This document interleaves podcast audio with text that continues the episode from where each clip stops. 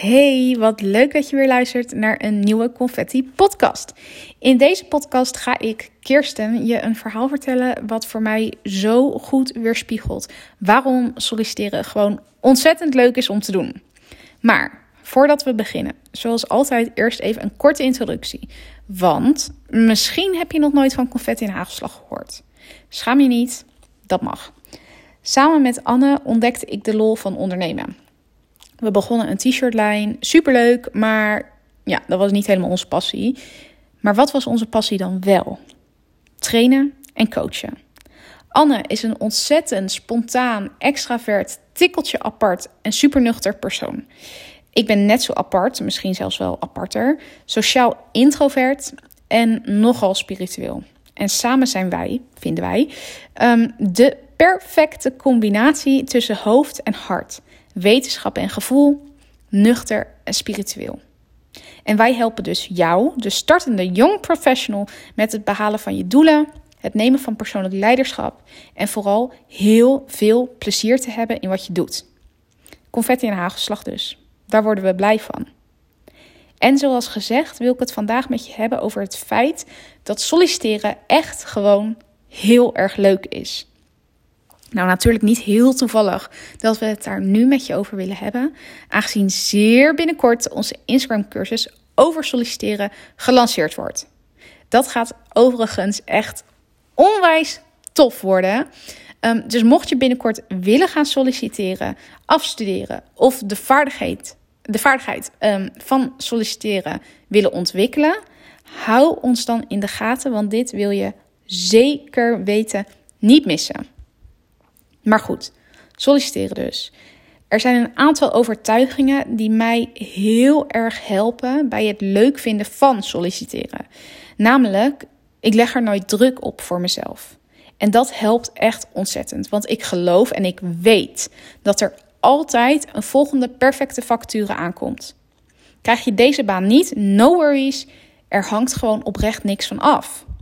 En juist door dat te denken, ga je ontspannen, relaxed en als jezelf die sollicitatie in. Waardoor je meestal het perfecte sollicitatiegesprek voert. Bedenk je vooral dat je de, um, de hele dag al gesprekken voert met allerlei mensen. En de meeste van ons maken zich daar helemaal niet druk om.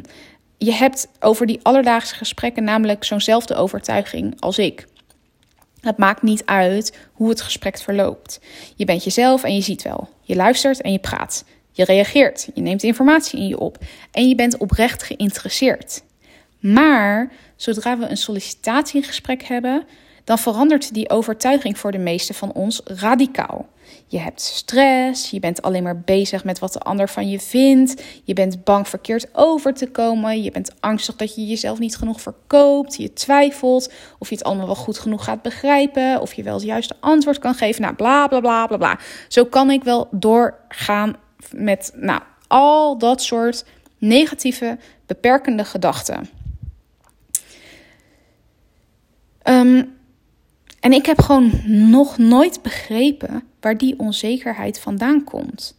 Je, jij bent toch gewoon leuk? En hallo, zij hebben jou nodig.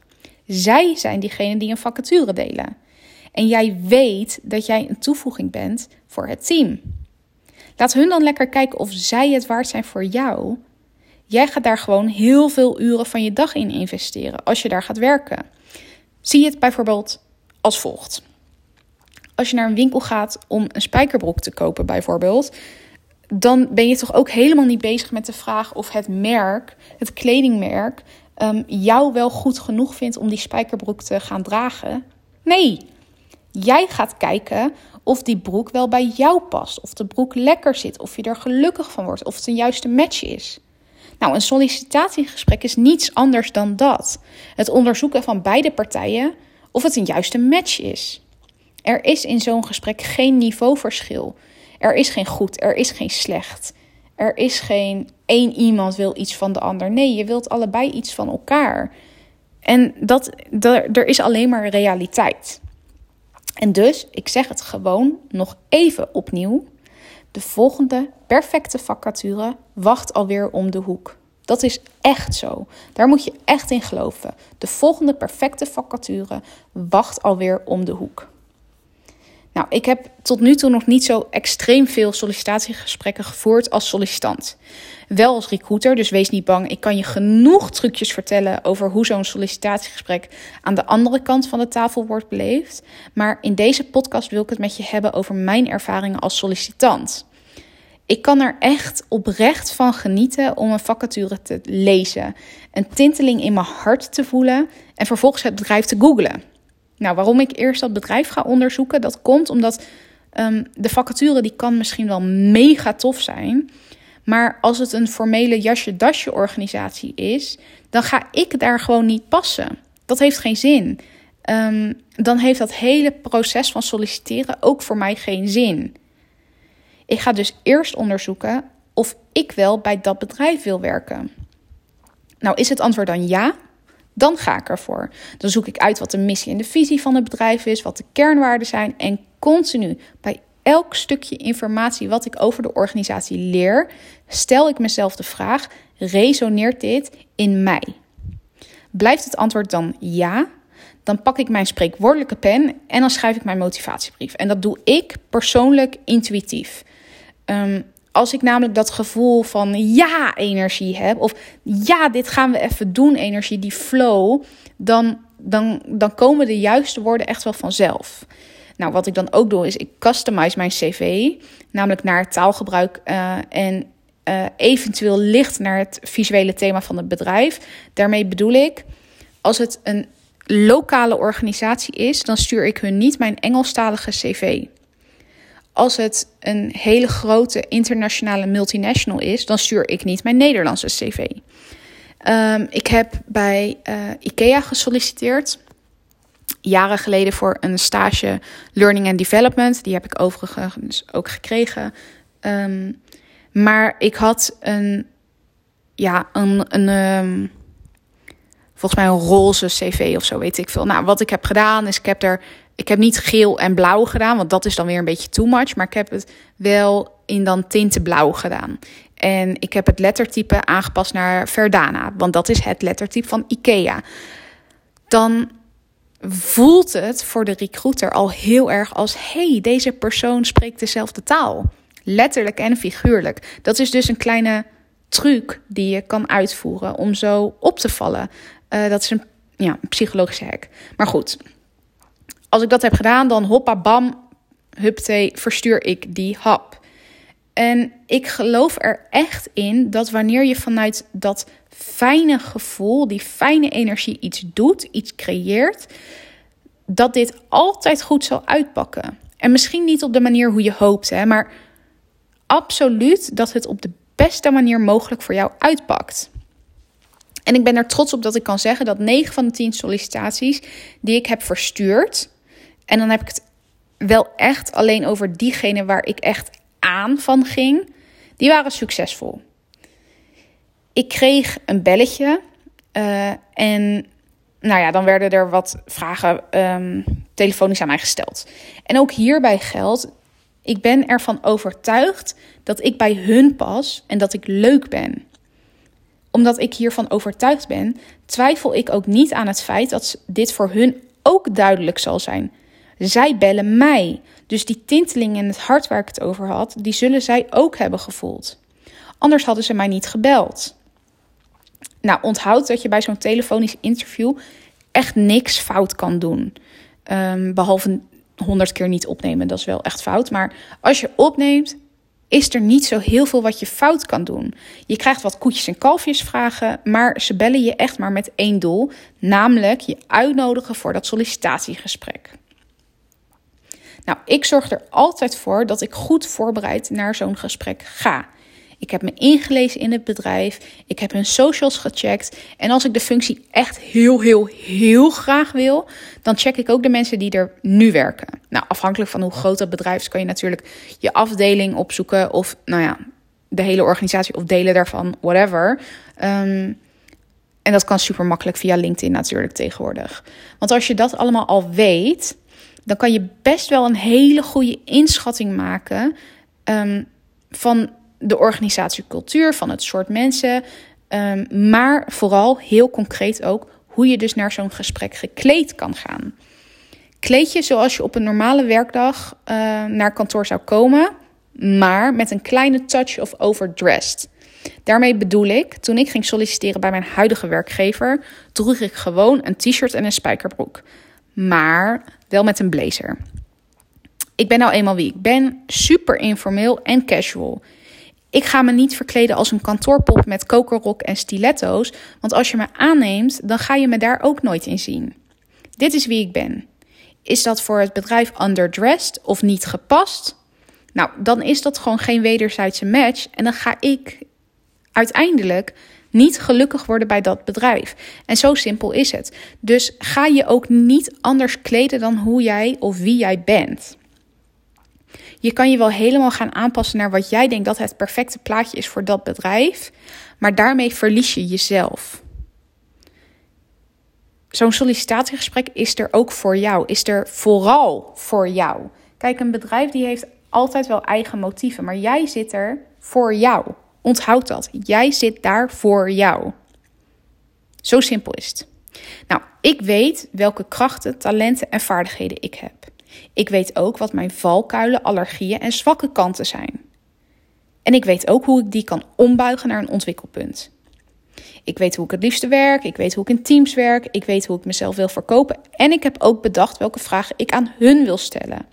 Ik weet hoe ik dit spelletje het liefste speel. Bereid dit voor.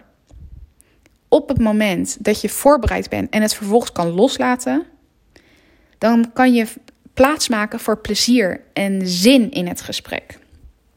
En tuurlijk zijn er echt wel eens vragen gesteld die ik moeilijk vond om te beantwoorden. En tuurlijk zijn er ook vragen voorbij gekomen waarvan ik dacht: wat de fuck. Maar even terug naar het begin van deze podcast. Ik leg geen druk op zo'n gesprek. Dus ik voer gewoon een gesprek zoals ik dat altijd zou voeren. En stel dus logischerwijs ook vragen terug. Of ik zeg, ik begrijp niet zo goed wat je bedoelt. Of hoe bedoel je dat precies? En ja, ook het antwoord, sorry, maar ik heb geen idee hoe ik deze vraag nu moet beantwoorden, heb ik wel eens gegeven. En toch heb ik de baan gekregen. Door mezelf te zijn en door er plezier in te hebben. Ik heb voor mijn huidige baan twee gesprekken gehad. Twee, uh, twee sollicitatierondes. Het eerste gesprek was met de toenmalige HR-manager. Dat was echt een superleuk gesprek. En dat ging hartstikke vanzelf. En ik heb volgens mij bijna twee uur met haar gezeten. Was super gezellig. Voelde helemaal niet als een sollicitatiegesprek. Uh, dus het kwam ook niet helemaal als een verrassing dat ik werd uitgenodigd voor het tweede gesprek. Um, maar dat tweede gesprek, dat was met de recruiter en de algemeen directeur. Nou, deze algemeen directeur, dat is een onwijs leuke man. Dat weet ik nu, nu hij mijn leidinggevende is. Of nu hij mijn werkgever is. Maar toen, alleen al bij het idee van een algemeen directeur. Het moment dat ze zei: het volgende gesprek heb je met de recruiter en de algemeen directeur, dacht ik: holy hell, uh oh. En eventjes raakte ik in de stress. Want tijdens het gesprek stelde hij mij een aantal vakinhoudelijke vragen, nou, die ook best wel direct en complex waren. Ik weet nog dat ik toen dacht: hemel, wat moet ik hierop antwoorden? Hij vroeg iets als. Um, we hebben als, als organisatie nu te maken met uh, X. Uh, dat is een probleem waar we tegenaan lopen. Hoe zou jij dit oplossen?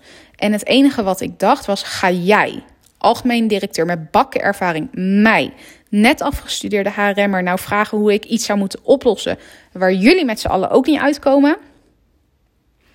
Hij keek mij aan, ik keek hem aan en geen idee wat ik moest antwoorden. Laat me daar even over nadenken, zei ik. Um, terwijl in mijn hoofd dus volledige paniek ontstond. Um, want waarom ontstond die paniek? Ik wilde deze baan zo graag. Ik zag mezelf hier al helemaal werken. Nou, uiteindelijk heb ik iets gereageerd. Ik heb overigens dus wel gewoon de tijd genomen om er even over na te denken. Dat is geen enkel probleem. Om even aan te geven dat je er even over moet nadenken. Maar goed, ik heb dus iets gereageerd in de trant van. Um, ik zou je nu niet kunnen vertellen hoe ik dit probleem zou oplossen. Het eerste wat in mijn hoofd opkomt, dat is um, X. Maar ik ben iemand die eerst onderzoek doet, ergens induikt.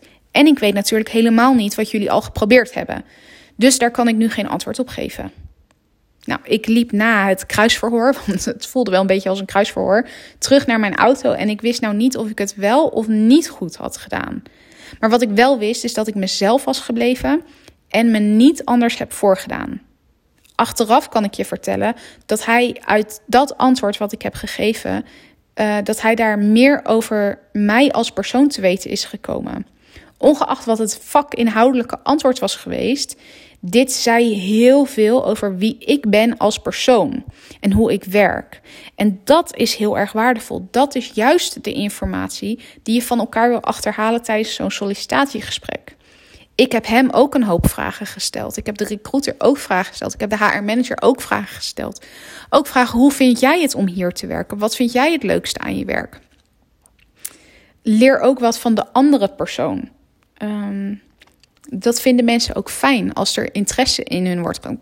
Denk maar aan jezelf, bij wat voor gesprek ook. Als iemand interesse in jou toont, dan vind je dat fijn. Dat doet iets met de band, met de relatie, met, het, met de interesse in elkaar. Dus zet dat ook in tijdens een sollicitatiegesprek.